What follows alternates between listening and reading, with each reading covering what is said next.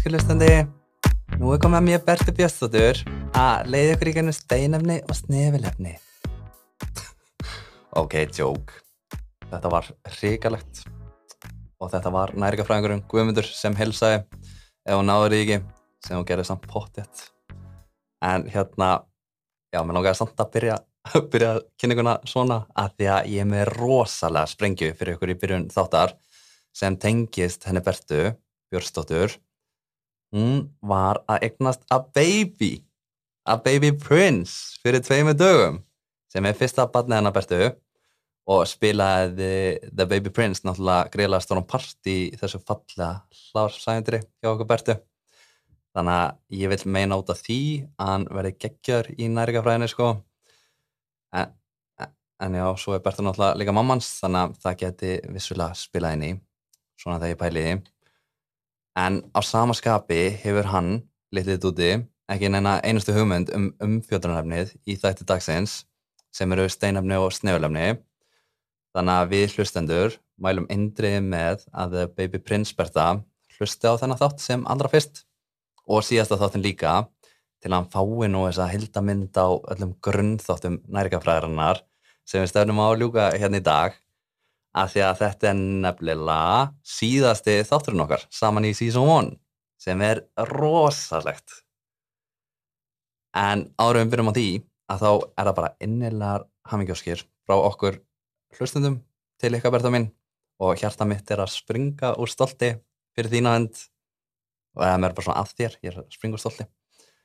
og sem er reyndar ekkert svo fjari þegar hjarta mann sprakk þegar snillinganir í þróun og sjónu námskana tilkynnt okkur fyrst tíðindin með styrkin og trösti til að búa til þetta geggja hláðarp.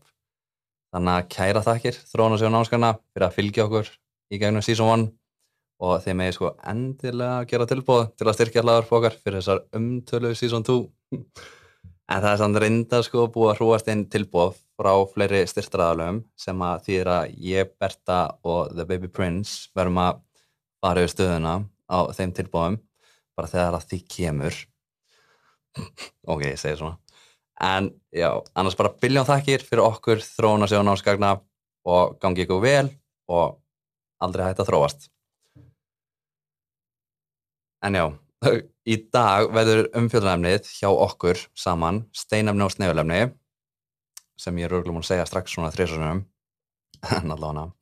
Þau er, er líka bara skilið steinumni og snegulumni af því að þau eru sko klikaslega áhugaverð. Og þau eru náttúrulega í fyrsta lagi áhugaverð eh, í rauninu bara svo mikilvæg fyrir okkur út frá þeirri staðrænd að við elskurhustandi þurfum á þeim að halda á fæðinni en það væri samt reyndar geggjað ef líka með nokkað getur bara búið til upp á sitt einstæmi það myndi sko leysa ansimart og ég væri ekki að tala, tala um þetta í knæðina Mike Grafhón ef það væri staðan sko. En þau gegna bara fullt af super mikilvægum hlutverkum þegar kemur að líka um starfseminn okkar sko. Og hjálpa okkur bara heilan helling til að viðhalda góðri helsu sem er eitthvað sem ég og þú viljum að sé staðan hjá okkur. En svo flækist þetta að því að of mikil eða of lítil intakaðum í grunum matrað okkar getur haft fjöldan allan af mismundi áhrifum. Þannig að við tökum bara dæmi um salt sem er samansett af steinefnunum natrium og klórið sem finnst víða í maturlum og svo er salt reynda líka oft nota til að bræðbæta matinu mitt og svo getur það líka verið notað sem svona rótvarnar efni í maturlum að því að flesta bakterjur geta ekki þrifist vel við ákveðu maks af salti. Og þar með getur salti bætt svona gemslu þól ímessa matura sem er mjög töff. Og við Íslandikar erum margi hverjir að neyta aðeins um bóko yfir rálegum dagskandi á salti sem er um eða undir 6 gram á dag. Og, og mörg hver kannski án þess að átta sig endilega á því að því að salt er oft nokkuð dölið í til dæmis ímsum tilbúinum maturum. Og þá getur einmitt blóðþrýstingur margra gefið þeim vísbendingu um hvort þessi venjulega fá sér og mikið að salti hérna í gegnum einhverjar saltrikar feðutjóndir eða þá með því að bæta salt í matasinn og það geti alveg klála fyllt hilsufars ávinningur með því að minka saltnirsluna sína í því tilfelli að því að of hár blóðhrýstingur sem kallast hátrýstingur er til dæmis einn af áhættu þáttum hjarta og æðarsutuma en í þessu tilfelli samt með saltið að, og steinefnin natrium og klórið að þá þurfum við alveg að fá þau úr matræðin okkar, klóla og þessi tvö steinefni flokkast sem dæmi undir svona elektrolítar á samt nokkrum öðrum steinefnum sem eru þá, það magnesium og kalium og kalk og fósfat, já sem eru þá að öll já, að einhverju leiti uppleist í vatninu sem finnst í líkamannum okkar eru með svona electrical charges sem er geggjað. Og við erum munið, munið að viti náttúrulega, við erum ekkert að munið þetta við erum náttúrulega bara meiri hlutum vatn sko alveg 50-70% af okkur er vatn. Þannig að allt þetta vatninni líkamannum okkar reyði sig á svona elektrolíta í mismiklum styrk sem ákveðin svona leiðavísir og bendir styrkurinn á þessum elektrolítum þá hann hvert inn í líkansfrumunum okkar eða fyrir utan líkansfrumunum okkar daldi bara svona nefnir hvert vatnið er að fara að stefna. Þannig að það er ký fyrir okkur að hafa ákveð jafnbægi millir vass og elektrolíta til að viðhalda eðlilegri líkanstarfsemi og líkamann okkar líkamann okkar finnst þetta alveg mjög mikilvægt og hann er alveg með ímins konar stjórnunarkerfi til að viðhalda ákveðinu jafnbægi á þessu sem er aðalega að gerast í meldingaveginum okkar og nýrónum.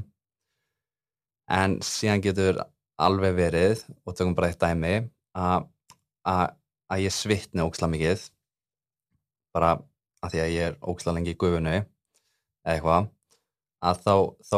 geti ég mig þurft að bæta það að tapa upp að því að svona elektrolítar tapast með svitanum okkar með því að fá mér eitthvað mat eða drikk eftir gufuna sem innir dröð með svona elektrolíta og ég, já, ég sagði þetta på þetta þegar ég er alltaf freka tussulur. Ef ég til dæmis tek kardió og fyrir að hann beint í gufu að þá fæ ég mér oftast bara svona elektrolíta töflur á meðan að sömur fá sér, veit ég, Powerade að það eru svona elektrolítar í því. En já, almennt er ég bara samt að gera ráð fyrir að vera að fá þetta með því að borða, já, bara svona nokkuð fjölbreytta mat í hægulega magni.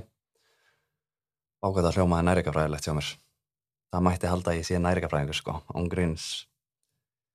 og já, þannig að, já, einmitt. En kannski áður en lengra er haldið og, og eitthvað sem ég hef átt að byrja á sko, að þá, þá er planið hjá okkur í dag, einmitt bara daldi, vala, þetta að mála ykkur að gegja Leonardo DiCaprio nei, Leonardo DiCaprio Jesus. Hérna, nei, hann hétt Leonardo Da Vinci sko. Hann var, hann var listamæðurinn já, já. Ég held þessu bara einu fákitt já, við ætlum allavega að já, ég ætla að mála gæðveika Leonardo da Vinci mynd í hausniðinum og bara svona förum bara í ferðalag til að vita meira um þessi steinöfni og sneflefni og þá þurfum við náttúrulega fyrst að vita til dæmis hvað þau eru hvað eru steinöfni og sneflefni í grunninn og svo í framhaldinu getum við mála þetta með einhverjum pensli. Eða bara svona setja okkur svona ákveðin nærigar gleru. Allavega, gerum okkar besta. Let's go. Þannig að við byrjum bara á hvað þau eru steinefni og sneflefni að þá eru steinefni og sneflefni svolítið bara svona sama konseptið það er að segja ennska heita á þeim er major minerals og trace minerals þannig að bæði minerals. Og munur liggur í rauninu bara á því hversu mikið við þurfum á, af þeim á dag úr fæðinni basically. Þannig að major minerals sem eru steinefnin eru major að því að líkamann okkar þarf meira af þeim úr fæðinni í sambyrði við snefilefnin sem voru trace minerals og svo er líka bara mun meira einmitt af þessum major minerals í líkamannum okkar í sambyrði við snefilefnin. Þannig að þá get ég bara tekið fun fact hérna að kalk sem er svona steinefni á og þá er kalk einmitt helsta steinefni líkamanns þegar kemur á magni eitthvað um 1,5 til 2% af okkar eigin líkamsyngt þannig að segjum að ég væri 100 kíló að þá væri hérna ég kringum 1,5-2 grömm af kalki og væri 99% af þessu kalki væri hægt að finna þess að í beinunum mínum og tönnunum mínum sem er magna og já, þannig að ég er eiginlega búin að nefna öll en náttúrulega samt bara að nefna að steinefnin eru natrium, kalium, klórið, kalk, fósfor, magnesium og brennisteinn og brennisteinn er að vísu kannski smá undatækning í þessari upptalningu að því að það er oft hluti af einhverjum öðrum byggingum eins og próteinbyggingum og svo fara það líka hluti af B1 vitaminu líka, var það ekki? Jú, sem ég talaði um. Jú, klála Þannig að við erum yfirlegt bara það uppfylla þörfin á því bara engungum með til þess að, að borða nóg prótein sko. Og svo er upptalningin á snefilefnunum eitthvað sem að við ættum ekki að þurfa alveg jafn mikið af á dag en eru samt alveg jafn mikilvæg sko að það eru járn, sink, selen og jóð og kopar, mangan, flúor, króm og mólíbden og síðan er endur alveg til fleiri snöðulefni hérna svona trace minerals að því að það eru líka nefnilega til svona ultra trace minerals eins og arsenik og boron, nikkel, silikon og vanadium en eins og þið kannski heyrið að þá er margmiðið mitt í dag ekki að fara yfir hvert og eitt af þessu. Það væri skrítið sko. En kannski það áhugaverðasta fyrir þig að vita á þessum tímpúti um þau steinefni og sneflefni sem ég var að talja upp er að þau eru ólífræn efni sem er sko risastórt fyrir okkur að vita að því að hinga til eru við nefnilega bara búin að vera að fjalla um lífræn efni sem voru þannig kolvetni prótein, fita og vítamin. Þannig að það er staðan. Og já, að því að þetta hljómaði mjög efnafræðilegt hjá mér að þá myndi ég allt í hennu að ég segðast alltaf að koma þessi hérna á efnafræðkursin í síðasta var það ekki? Sem að ég tók á fyrstu önnunum minni í Háskóla Íslands sem að ég fekk fimm í engun sem var lægsta engunum minn. Og, og ég veit því ekki okkur ég er alltaf að auðvisa þetta, þetta með ykkur sko. Eða jú, að því að hún var náttúrulega líka bara lang upp á einhvern mín klála að því að ég náði nefnilega öllum hínum prófunum á fyrstaninn líka sem að skipta mestu máli. Að því að þá mátti ég halda áfram í náminu sem var high key next level. Og ég man líka bara svo vel eftir þessum tímum í lífunum minu að hafa til dæmis labba inn í fyrsta efnafræðitíman sem algjör gaur bara nýkliftur og svona vínekk ból það sem tattúið mitt, skæstileg mitt, sást fatti, var alltaf eitthvað rétt upp hönd til að sína nei, nei, reyndra ekki. En, og ég hafði náttúrulega líka verið á viðskipt á hagfræðifröð í möntu það má ekki gleymast, þannig að ég var ekkert beint að fá mikla fræðslu um efnafræðina sko. Og ég man í fyrsta tímanum að þá þá settist ég niður eins og maður reyndar gerir. En mér brá bara svo manni hvað það voru margi mættir í fyrsta tíman það voru alveg eitthvað kringum hundra manns. Að því að það voru líka nefnur á fleiri helbriðstjætum en einungis nærikafræði það voru til dæmis livjafræðingar og manni og það voru tannleikna líka og, og já, einhverju snillikar og ég hafði heyrt áður en ég mætti í tíman að það var yfirleitt frekar hátt fall í almennri efnafræði alveg um eitthvað 50-60% sem náði ekki á þeim tímum. Þannig að sko tilfinningin minn að sjá lótukerfið á glærónum í fyrsta tímanum sem til dæmis stein, steinnefnin og snefilefnin sem að ég ætla að fjalla um í dag má finna. Að tilfinningin var bara uff, uff, uff, uff, uff og ég er nokkuð klára því að fórt því að ég hafi engungu verið að hugsa ok, fokk, ég sá þetta lótukerfið síðast í svona sjöndavökk og ég skil ekki bönni bala hérna. Bara hvað er ég að gera hérna? Og svo hjálpaði hjálpa mér ekki neitt sérstaklega í tímanum þegar einn dutti sem ég þekkti ángrís ekki neitt þá sko. En kann reyndar mjög vel núna. Tilti svona hendinu sinni yfir axlina mínar eins og vorum á biodeti og byrjaði bara randomli að benda fólk. Bara hérna, séru þessa mannsku ég bara, já, já, ég sé hana. Já, hún er að taka þetta þrjaða skipti sko og mannskjan töðum sem þetta frá henni. Sama sagan. Þannig að bíóditið mitt var sagt, í sama pakka á þau. Og þetta var bara mjög fyndi moment fyrir mig allavega. Að því að ég var nýbúin að segja honum eitthvað ég var að skýta á mig með þennan partikular áfanga. Og, og það, þetta átti vist að vera geggja pepp samkvæmt honum. Bara, þú veist, ekki þetta stress kallið minn, það reddast. En sem gerðist sko þannig að kannski virka þetta að því að ég náði mitt í fyrstu tilröðin og gaf honum the ultimate high five. Ú, high five. Ég var bara að kveika núna. Þú veist, ég fekk náttúrulega fimm í einhvern það var svolítið high five þessi einhvern ok, ég byrjaði að byrja sko,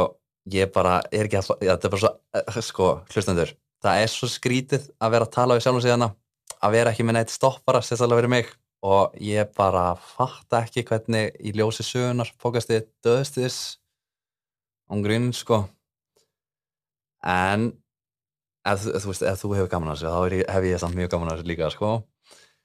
Þannig að áður um fyrir um back to business að tala eins um munin á ólífrænum og lífrænum efnum sem er sá punktu sem er að stara framann í mig núna að þá er kannski sniðið til að mér að minnast á að ég er alveg ágættur í efnafræðinni sko. er alveg búin að lesa meira en helmingin af bókinni sem að ég gerði fyrir prófið og í bókinni kom fram að steinefni og sniðulefni eru ólífræn efni sem þýðir að ólíkt lífrænum efnum eru þau náttúrulega til að byrja með ekki lifandi fatti ólífræn efni. Og til að spotta hvort efni sé lífrænt eða ekki að þá er ansið sterkur leikur bara að kanna hvort það sé svona kólefnisfrumundir í efnaformulunni eða ekki að því að kólefni er í rauninni svona stærsti leikmaðurinn í allri lífrætni efnafræði myndi ég að segja og aðrir klála þannig að ef þið hlustuðu til dæmis á síðasta þættina að þá munið augljóslega að kólefnisfrumundin var til dæmis í efnaformulunni hjá kólvetnum, prótein og fytu og ok þannig að testum skilningin okkar á þessu strax með því að taka bara vatn sem dæmi þannig að efnaformula vass er hvað? Ég skal gefa ykkur þrjá segundur menn ég drekk. Það, það er hálf tveir og. Það er hálf rétt í þar, vel gert. Það er það tvær vetnisfrömyndir og einn súrömsfrömynd þannig að núna er spurningin er vatn lífrænt eða ólífrænt efni? Já, það er ólífrænt efni. Snillingar eru við sko. Og vatni er náttúrulega ký sko þótt að sé ólífrænt sko, við verðum ekki lifandi án vass í morgandag allavega. En það er komið kannski núna að næsta hluta sem er svona fyrsta næringarpælingin með ólífrannu efnin sem við ætlum að einbluna á í dag steinefn og sneglefni sem ekki ekki og að þá er punktunum að, að þau eru ekkert að breytast í eitthvað annað þegar við erum að melda þau og þegar líkaminn okkar er að nota þau til að gera eitthvað sniðut sem var klálega ekki tilfelli með lífrannu efnin til dæmis kólvetni, prótein og fytu þau breytast alveg. Þannig að sápunktur einn og sér auðvelda manni alveg einhvern veginn bara strax að ná betur utanum samengið á þeim finnst mér versus kannski bara tökum dæmi kólvetnin að þá gæt líka mann okkar sagt bara ok, fyrir ekki einn hrísgrjón váká innheldur mikið að fjölsykrum sterkju og var sterkja minni bara svona fullt af glúkosæningum hérna sigursæningum bundna saman. Og líka með nokkað myndi síðan bara halda áfram að segja um leið og ég finn fyrir nærverðinni í mununum mínum, eða þínum fröken Rísgrón, að þá ætla ég að byrja að breyta þér í eitthvað annað með því að setja svona enzimi sem kallast amylasi sem ætlar að byrja að breyta þér með að rjúfa tengin á milli síkurs einingana hérna. Og til að auðvitað endanum geta tekið þær upp inn í smáþarmón okkar og svo þegar líka mann okkar er búin að taka emitt þessar sigur einingar inn í smáþarmón okkar að þá getum við þetta þurft að nota glúkosan sko, sigur einingarnar til að búa til svona efnorku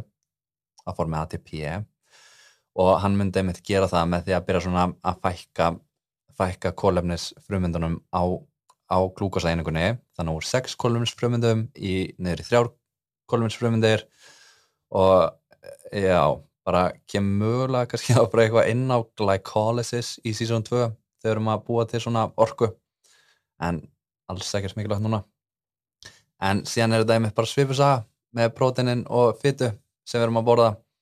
að þá kannski borðum við bara eitthvað prótein, kollagen, gluten, eitthvað svoleiðs sem brotnar yfirleitt bara að mestu niður í stakar aminosýrur sem líka með okkar getur síðan ákveða að nota sem orku og eða nýmyndað, einhver geggjuð prótein. En með steinefni og snefalefni að þá væri það ekki staðan sko. Steinefni kalk er til dæmis alltaf bara kalk, fatið, hvort sem það sé í matnum okkar eða þegar það er komið inn í líkamannum okkar en það er að vísa alveg til mismundi forma á kalki og öðrum steinefnum en þau eru samt í grunninn ekkert að vera breytast í eitthvað annað sem er hjúts þannig að við erum komið það. Og svo eru steinefni og sneflefni einni almennt tölvöld minna næm fyrir að skemmast í matnum okkar út frá til dæmis hitastígi, ljósi eða sírustígi sem var til dæmis alveg staðan hjá til dæmis einhverjum vítaminum manni já, E-vitamininu og B1 vitamininu sem, já, ég og Berta blöðurum um eitthvað í síðustu þáttum. Þannig að það er munur á þessu er basically það sem ég er að segja og sko, ef þú elskur hlustandi varst að meðtaka meiri hlutan á því sem ég var enda við að segja á síðustu myndum að þá myndi ég klóla segja að þú sért nú þegar bara komið með ansíkóðan skilning á grunnþáttum nærikapræðarinnar sem er geggjað ef, ef svo, svo er og reynda líka efnafræðinni. Að því að þau tengjast nefnilega bara svo mikið þegar maður er að læra um grunninn til að byrja með. En eins og ég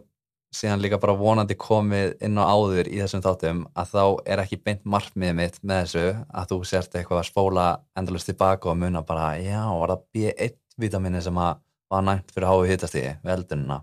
það var ekki A-vitaminnið oh, hvað er að mér? Það er alls ekkert endilega ekkert hugsunin á þessum tímapunkti. Meira bara svona cirka að skilja sko sem við ætlum að halda áfram að gera núna. Skilja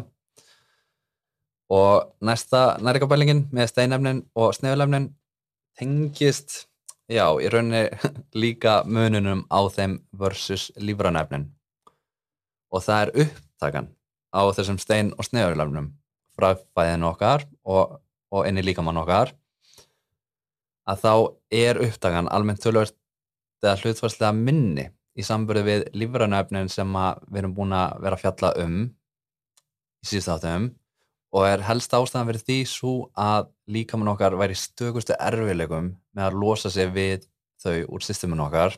En hann væri að taka allt og mikið upp á þeim í einu að því að það geti síðan þá leitt til svona eitrunar áhrifa sem geti þá einmitt með tímanum alveg leitt til einhverja skemda í líkamannum okkar sem viljum ekki. Og, og síðan hef ég líka bara komið svolítið margótt inn á nú þegar og í fyrir þáttum að þá er líka mann okkar ángrín svo magna fyrirbæri að geta stýrt að mörguleiti hvernig upptaka þessara stein og sneflefna eru. En kannski ekkert alveg perfekt en, en það henda nefnilega líka mann okkar best aldrei bara að geima magn af þessum stein og sneflefnum sem hann þarf að halda og, og hann er sáttur. Sem er svolítið sama konceptið og með dýrin og þess vegna er til dæmis yfirleitt talið að fæða frá dýraafurum sé mjög fín uppspretta af mörgum stein og snöðulöfnum að því að líkamann þeirra vil líka hafa rétta hlutfallið af þeim í líkamannum sínum. En svo getur fæða úr plönturíkinu líka bara verið mjög fín uppspretta þegar kemur að mörgum stein og snöðulöfnum en það eru samt kannski aðeins fleiri breytur þegar kemur að stein og snefnlefnum sem er að koma úr plönturíkinu eins og lífaðgengi þeirra eða nýtanlegi þeirra sem ég tek fyrir á eftir. Og þroskin þannig að þá eru kannski með greitt banani versus gulu banani versus svartur banani og, og síðan bara emitt út frá jarðveginum sem að plöntunar eru ræktar þannig að stundum er jarðvegurinn ríkur af stein og snefnlefnum og stundum ekki mikið sem gæti, ég er bara að hugsa núna sem gæti reynda líka í því samviki haft einhver áhrif um þetta á magn svona stein og sneðulefna sem er að koma frá dýraafurðunum. Til dæmis að dýrin eru að neyta fæði úr jarfegi sem væri þá annarkort ríkur af steinefnum eða ekki ríkur aðeins fati. Þannig að það er aragrúi að mismundu breytum í þessu öllu saman. Og í dag eru við Íslendingar bara svo ótrúlega heppin að hafa mikið aðgengi af fjölbreyttri fæðu í kringum okkur og var neistla flestra steinamna og sneflemna alveg yfir meðaldali yfir ráðlögu dagskanti sangkvæmt síðustu landskonunni sem var könnunin þar sem við Berta vorum spyrlar að ringja í fólk kærlendis og kanna hvað við vorum að borða.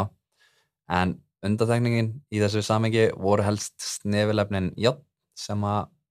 skorti aðla hjá konum á barnegnaraldri og, og jóð sem var enda líka meðal, meðal barsandi kvenna voru ekki að fá ná að jóði.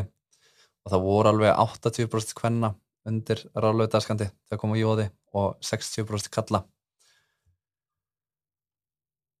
þannig að já þannig að já ok, það er bara svona spurning núna um að taka eitthvað dæmi og hvort það er að taka játn eða jóð ég held að jóð nei, ég held að játn tökum játn já, ég tek játn og ég skal bara halda hefðinni að nota mig sem sínindæmi að þá er ráðlögu dagskandur fyrir játn fyrir mig 9 milligram á dag. Þannig að ok ég fer bara að kanna hvað matvali innhalda játn og finn maður sé bara fínu spretta játn í ymsum kjötvörum. Fisk, bönum ertum, linsum, tofu og öðrum sojavörum og dökkrænu grammiti, netum, rúsinum, heilgórnabröði, serjós, fæðuböðuræfnum og já, ég er í jæri, fatti og það er klálega alveg að þessu sem að ég er að fá mig bara nokkuð reglulega, sínist mér. Og, og segjum bara að ég sé að ná að uppfylla ráðleikingunar sem eru þessi 9 milligram á dag með því að borða eitthvað sem yummy yummy fæðutöndum sem ég var að nefna að þá er ég játnið í fæðutöndunum að fara í ferðarlag sem myndi byrja í munnunum okkar sem fyrst síðan er í vélinda og síðan hvert niður í maga, já. Og svo hvert í smáþormana, já. Og þar væri mest af hjart upptökunni, sko. Og, og á þeim tímum múndið með, sko, að þá væri hjartnið ekkert að breytast eins og fröken hrísgrón og síðan getur þá einmitt bara hjartnið verið tekið upp og byrjað að nýtast einhverjum frumum þar. Og síðan var það mjög líklega einmitt bara hjartnið tekið upp í blóði okkar, sko. Þannig að færi frá smáþormónum og yfir í blóðu okkar. Og í blóðun okkar ferðast játni með svona fluttningsprótini sem heitir transferin transferin sem myndi þá flytja einhvað þessu játni sem líka minn vartaku upp til dæmis til vöðvana minna til að búa til myoglobin sem er svona súrefnisbindandi prótin sem myndi þá veita vöðvafrumunum mínum súrefni eða til beinana minna þar sem að uppbygging hemoglóbins og rauðra blóðkarna fara fram og leiði það einmitt til að ég geti flutt súrefni um allan líka minn sem ég er auðvitað mjög þakklóði fyrir þó það sé lítið súrefni í þessu stúdíu að það sko. Nei, nei, tjók, ég er bara já, allan og, og kannski eitt punktur hérna að, hérna, að til dæmis þegar svona rauðkorn, eða rauðablóðfrumur er að eiðilegast að þá þurfum við fattiði að búa til ný, ný svona rauð blókvörn og það er alveg 95% af járninu úr þessum gömlu rauðu blókvörnum sem er að fara að yfirgefa okkur að fara að nýtast til að búa síðan til þess að nýju sem er töff. Þannig að nýmyndun rauðra blókvörna í líkánum okkar þurfa í rauninni bara cirka eða svona í kringum 5% af játni sem uppspretta úr fæðinni en allavega, emitt þannig að játni getur flust, hvað var ég að segja með, til vöðvana og til beinana og svo bara fleiri líkansvega svo sem og getur játnið orðið hluta einhverjum mjög importanti enzimum sem gera eitthvað gera eitthvað sniðið fyrir okkur. En núna ætla ég samt að koma með smá bombu að því að ráðlegu dagskandanir voru þannig 9 milligram af játnan dag. Að þá af þessu 9 milligram á játnan dag að þá er ég raunum bara að fara að taka já, svona 10% af því, af því upp í líkaminn sem væri svona eða kringum 1 milligram af játni en þótt að ég væri að taka 10% af játni hérna, játninu upp að þá gæti líka minn alveg tekið frá veist 0, eitthvað upp í 50% en þið munir bara að því að, að líka minn okkar á erfitt með að losa sig við og mikið til dæmis afjátni úr systeminu sinu að því að hann vil til dæmis ekki vera fyrir svona járn áflæðslu sem geti leitt til eitrunar sem að væri no bueno. Og ég kom auðvitað inn á í byrjun, byrjun að einn af helstu mununum á stein og snefurlefnum í sambyrði við lífranefnin sem við tókum fyrir í síðustu áðum er að upptaka þeirra er oftast hlutvarslega minni alltaf tengjast hjá okkur hérna sko. þannig að ég væri bara sáttur með að fá 1 mg á játni í líka minn í dag að því að það endur speklar mitt daglega jártap sem er að tapast í dag sem er um 1 mg fyrir mig. Og minn aldursóp og mitt kyn. Þannig að ef ég er að fá mér einmitt 9 mg af játni úr fæðinni að þá væri ég rauninu bara með þessu eina milligrammi að fara að fylla á járnbyrðina mínar sem að töpuðist þá í gær, eitthvað svo les en svo geti líka einmitt allt eins verið að játbyrðina mínar og þá þörfi mín fyrir játni sé aðeins meiri til dæmis að því ég er bara búin að borða lítið játn upp á síkastið eða út af ykkur öðru að þá geti líka minn einmitt reynda að auka upptöku játs aðeins til dæmis með aðferð sem snýstum að auka svona seitingu á magasýrum í líkamunum mínum sem er mjög töff og síðan einmitt ef ég þyrst ekki til dæmis hérna, já, þegar ég er að fara að fá mig kvöldmánda eftir, kannski búin að fá, alveg nóg, að þá getur líka minn, einmitt bara tekið minna upp. Og svo eru konur á batningnar aldrei að tapa eins meira en ég, en svo að 1 milligram á dag á játni. Til dæmis vegna blæðinga og er miða við að daglega jártabi meðal hvenna sé kringum 1,5 milligram á dag og sumar konur geta alveg þurft meira játn en það er, er að fá úr vennulegri fæðu en sem er það bara allur gangur á sko og geta tíðaflæðingar og játtap vegna þeirra bara verið mjög breytilar millir hvenna eða meðal hvenna og það eru kannski miklar tíðaflæðingar sem að getur einmitt leitt til meiri áhættu á járnskorti og ég var bara alltaf inn að pæla núna er eitthvað, finnst þér eitthvað skri... ég er að tala um tíðaflæðingar sko. Hérna, finnst það fyrirlegt ég er sko, já, bara kveikt allt í hans ári að því að sko, ég, ég maður þegar ég var á, í nærikafræði og þú veist, var á ásáttíðina á fyrsta öðru árinu að þá, þá var bara ekkert meira normal heldur en að vera allt að tala um bara hægðina sínar. La kúk, kúkjan sem bara, þú veist, við matabóri sem að kannski lýsi bara hversu fyrðurleg stjætti stjætti mín er sko, mögulega. En allavega, út af meðal annars þessu emitt að þá er ráðlega dagskandurinn á játni fyrir konur á eignaraldri 15 milligram á dag sem er aðeins herra en hjá mér sem voru munið 9 milligram á dag sem er endar sama og hjá konum eftir tíðarkvörf. Og sko sangvænt emitt niðurstöðum úr síðustu landskunni var engin kona á barnegnaraldri sem náði þeim ráðlengum sem er miður. Og járn er alveg einmitt mikilvægt næringarefni fyrir súrefnisflutning í blóðun okkar sem við vorum að læra um og líka fyrir ónæmiskeru okkar og okkar og geta skorsenginni játs til dæmis verið minna viðnám gegn síkingum veikjumstoftar og látt orkustig og minna kuldathól og eitthvað. Og sem gæti síðan með tímanum leitt til blóðleysis sem að er no bueno. Og ef þið munið þegar ég sagði einhverju þætti að ef þið væri að fara í svona næringafræði próf og það veri verið að spyrja um hver eru skorsenginni dar í dar að þá fatið er hjálpskortur ekkert að eina sem getur leitt til fatið minna viðnám gegn síkingum, lágu orkustígi og minna kuldathóli og út frá þessum vingjunum sem ég var að nefna að þá getur bara velverið að einstaklingu sé ekki að borða nóg uh, og það er í rauninni ekkert of óalgengt að sjá orkuintöku einstaklings vera lægri. Hérna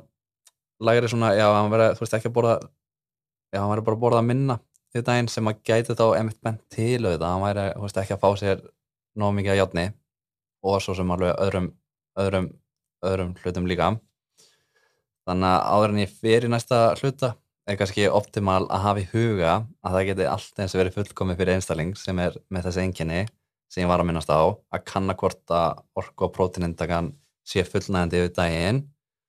Það geti nefnilega verið lausnin við þessum enginum bara að bæta einni máltíð við í einhverjum tilvægum klála, samt ekki að alhafa en sko já sko, að því að ég er ekkert beint í mesta áhættu áhaupunum þegar kemur að jórnskorti sem er by the way einn algengasti skortur á einu nærigrafni í heiminum í dag sem er einmitt líka miður. Og er til dæmis algengari meðal kvenna, úlinga og batna þannig að já, notum bara bertu núna sem dæmi, en það ekki? Eða samt ekkert endilega að segja hún sem er skort sko, en bara því að þetta er fatið hennar podcast er líka. Hæ Berta mín, vonandi ert að hlusta. Og The Little Baby Prince líka, Bletzer en já, þannig að ráleggina fyrir Bertu, hann að mömmuðina eru 15 mg á dag á hjáttni og það ætti alveg að vera fint fyrir hann að mömmu daglega upptakan á hjáttninu úr matnum væri kannski kringum 15% af þessum 15 mg að því að það er allavega að talið fullna hjáttþörf 90% hvenna á hennar aldri allavega sangvænt bókinni sem ég er með fyrir fram mig. Þannig að við skulum bara meða við þá prósundu for teaching purpose. Og já, ég var búin að minnast einmitt á steinefnin og snefilefnin með þetta hana kalk er alltaf kalk og játn er alltaf játn og ég var líka búin að segja að það séu til mismundi form samt af þeim og, og þess vegna sé maður einmitt oft svona köptu þetta fæðubátræfni upptakan er meiri eitthvað svoleiðs og með játnið að, að þá er til tvennskonar játn í fæðinni svona tvö mismundi form af játni í fæðinni sem er annarkort þá á formi hemjárns eða hemfrítt játn og er munun á millið þeirra? Bara sá að hemjárnið er hluti af hemoglóbin og myoglóbin prótunum sem hjálpu okkur munið að flytja súrefni í líkamnum okkar sem er sama sagan og með dýrin. Og þannig að dýr einmitt svona og dýrafurur geta innaldið svona hemjátt og þau eru nefnda líka, já þau eru oft með bæði hemjátt og þetta hemfría játt og það er, það er einmitt almennt talað upptakan á þessum hemjáttnum sé aðeins meiri í sambörði við hemfría formið. Það er oft með að vera svona kannski að 15 til 35% af þessu hemjátsformi sé að vera að fara að tekja upp. Þannig að það geti verið góð löst en síðan er einmitt járnið úr plönturíkinu einungis þetta hemfría járn og já bara þú veist alveg að þótt á uppdagan síðan tilöðum ekki alveg að mikil þegar kemur að upptöku sumra dýraafura að þá væri samt klálega hægt að uppfylla daglegu játturinn hennar Bertu ef það væri hennar ósk sem að ég samt held ég ekkert endilega sko. Uh, en þannig að Berta fæði sér eitthvað játríkt sem er annarkvært á sambland af heimjárni og heimfríujárni eða bara heimfríjárn jömmi jömmi og já ég er bara spáði að hafa þetta ekkert lengra ég vilji takk ég alla, tala um frostnaðina nei nei. Það kom í rak uh, já að því að með járni að þá Já, þá eru aðri þættir í fæðinni sem að, að þetta, er, þetta verður nefnilega floknar sko. Það er ekki nóga að séu bara myndið forma þessu að þá eru aðri þættir í fæðinni, svona fæðu þættir sem að gæti að gert að verkum að Berta takja þá annarkvæmst upp meira af hjárninu eða minna af þessu hjárni. Þannig að einn besta leginn fyrir Bertu til að auka upptöku hjáts til dæmi sem hún væri aðeins undir gildónu sínum fyrir hjátt væri að fá sér eitthvað mat sem innheldur C-vitamin samlega samlega játríku hérna játríku máltíðinu sem hún voru að fá og ég ætlaði að bara að segja þú veist að með C-vitamin þið getur bara að googla einmitt hvað, hvað er í C-vitaminu sko, eða hvað innheldur C-vitamin muni að það var appi sem var eitthvað. Og já, mér finnst það bara einmitt ótrúlega góða punktur einmitt að þetta mikilvægt að þetta C-vitaminu væri þá tekið samhliða samhliða játninu sko. Og, og til að aukinu að, að stuðlega að aukinu upptöku játsins og svo var einn versta leðin fyrir Bertu til að auka upptöku járts að fá sér mat samlega játninu sem inneldur mikið af svona phytic acid sem er svona afóksunar efni sem að finnst til dæmis í heilkornum, netum, fræjum og bönum og svo verður líka ekki sniðut að fá sér líka svona polyphenols efnin samlega sem eru til dæmis í te, kaffi og einhverjum plöntum og sumum sigurum góðstrykjum að því að það geta einmitt hindrað upptöku játs en það er samt reynda mjög cool ef Berta væri samt að fá sér einmitt það, þá játn og, og þessa hérna phytic acid og polyphenols. En hún myndi samt líka vera að fá sér C-vitamin samlega allar í þessari súpu að þá geti C-vitaminin nullað áhrifin á þessum þáttum sem er að hindra upptökuna. Að mjög miklu leita allavega sem er, já, sem er geðuðvögt og síðan eru önnu steinefni eins og kalk, magnesium eða zink líka verið að keppast við játnið um upptökuna í líkamluninnar bertu og, og ekki bara líkamluninnar bertu, bara okkar allra. Að því að, að því að þessi steinefni og snöðlefni sem ég var að nefna að þau eru með svipaða svona efnafræðilega eiginleika og játnið. Þannig að, já, þannig að kalk er til dæmis í mjölk og sko bara út frá því að mjölkin er heldur líka mörg önnur góð næringarefni að þá finnst mér ekkert endilega the best practice að segja Bertu ef hún er aðeins undri játni að hætta endilega að draka mjölkina sko. Kanski frekar þá að kanna bara mögulegan að fá sér mjölkina með einhver hverjari annari máltíð ef það myndi mega sens fyrir hana en ef verðst að veri lágjárni að þá, þá vil náttúrulega líka, líka minn hennar aðstofana með að taka upp meira ját sem er einmitt geggjað. En ég myndi samt þó kannski ekkert endilega að segja bert að fá sér einhvern megadós stóran skamt af kalkfæðubótarefni sem lofaði geggjaðri upptöku í auðvilsingunni samhliða kannski járnríkustu máltíðinni sinni yfir daginn. Að því að svona megadósis geta einmitt þá haft mun meiri áhrif á til dæmis játnið og magnésium og syngið ef við erum að taka kalkvæði bóttarefni og þá eru þau einmitt bara já, ekki tekinu upp basically. Og sko ég er búinn að punta niður tilfellið ef einstaklingur væri með jóðskort bara út frá því, út frá punktunum sem kom inn á áðan að jóðnesla Íslendika var sangkvæmt nýjustu landskonni búin að minka um eitthvað 20% frá síðustu konun sem var fyrir rúmlega 10 árum síðan. Sem tengist minni mjölkunæslu og lítillar fisknæslu sem dæmi. Og svo er ég líka með puntaði á mér varandi kalkskort. En það var samt eiginlega aðala bara út frá því að þegar ég googlaði munið hana edamame bönunar sem að Berta tala um í einhvern þætti að þá komst ég að því að, að kalkir hérna, að þess að edamame bönur eru fín össfrætta að kalki sko þannig að þá að margmiðið mitt einhvern veginn haldandi líka að Berta væri hérna með mér að þykjast vera með kalkskort til að Berta myndi bjóða mér mati sín og lega mér að smakka þessar geggju edamame bönur Það er rétt að vona að ég sé að segja þetta rétt núna. Ég er búin að að æfa mig í að segja þetta. En verður það vonandi samt væri kannski ekki bara þessar edamame-bönir í matinn en allavega.